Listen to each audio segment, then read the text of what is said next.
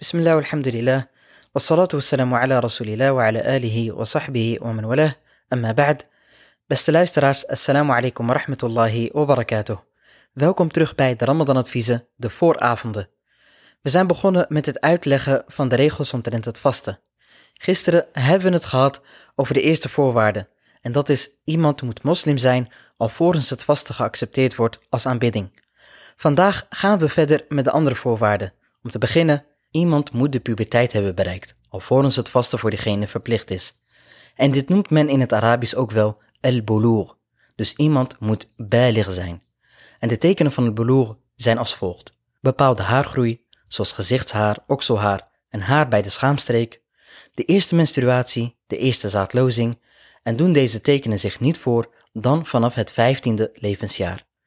Deze zaken zijn belangrijk om te kennen, en met name voor degene die kinderen heeft. Want de puberteit heeft geen vaste leeftijd, en iemand is al bijleer vanaf het moment dat een van de vorige genoemde zaken zich heeft voorgedaan. En zoals we wel weten, sommige van de eerder genoemde zaken zijn duidelijk en zichtbaar, maar andere kunnen zich al voordoen zonder dat je als ouder hiervan op de hoogte bent. En daarbij komt dat deze veranderingen vaak gepaard gaan met schaamte en ongemak. Maar dit horen geen zaken te zijn waar een taboe op rust. Wij als moslims zijn een gemeenschap die schaamte hoog in het vaandel hebben staan.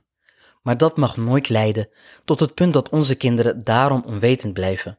En al helemaal niet als het aankomt op dit soort belangrijke zaken die met ons geloof te maken hebben. Als ouder heb je de neiging graag te geloven dat kinderen altijd klein en schattig blijven. Maar dat is natuurlijk niet de realiteit. De realiteit is dat de jaren voorbij vliegen en we onze kinderen het ene moment nog in onze armen in slaap wiegen en het andere moment op zoek gaan naar een nieuwe middelbare school. En dat dit soort gesprekken moeilijk zijn, snap ik heel goed. Dus daarom wil ik je ook geruststellen. Het hoeft niet zo ongemakkelijk te zijn. Er zijn meerdere manieren hoe je jouw kind de juiste informatie kan meegeven. Je zou bijvoorbeeld een boek of een lezing over het gebed of over het vasten aan je kind kunnen geven. In de meeste gevallen worden deze zaken namelijk al in het begin van dit soort boeken of lezingen uitgelegd. En het is dan misschien goed om te controleren of je kind dit boek wel echt heeft gelezen. We hopen allemaal op een goede relatie met onze kinderen. Maar een goede relatie groeit alleen door communiceren. Goede gesprekken voeren met je kinderen bevordert de band. Lukt het nou niet om zelf met je kinderen hierover te praten en is dit nog een brug te ver, maak je dan geen zorgen. Je hoeft niet per se zelf dit gesprek te voeren. Als je ziet dat een andere volwassene in je omgeving meer toegang heeft tot je kind, dan zou je kunnen vragen of deze persoon op subtiele wijze deze zaken te sprake wil brengen en wellicht je zoon of dochter hier en daar wil begeleiden. Want vergeet niet hoe ingewikkeld de puberteit voor een kind is. Laten we rahme hebben en behulpzaam zijn in deze bijzondere tijden van het leven van een kind. De laatste twee voorwaarden zijn dat iemand bij verstand moet zijn en dat iemand in staat moet zijn om te vasten.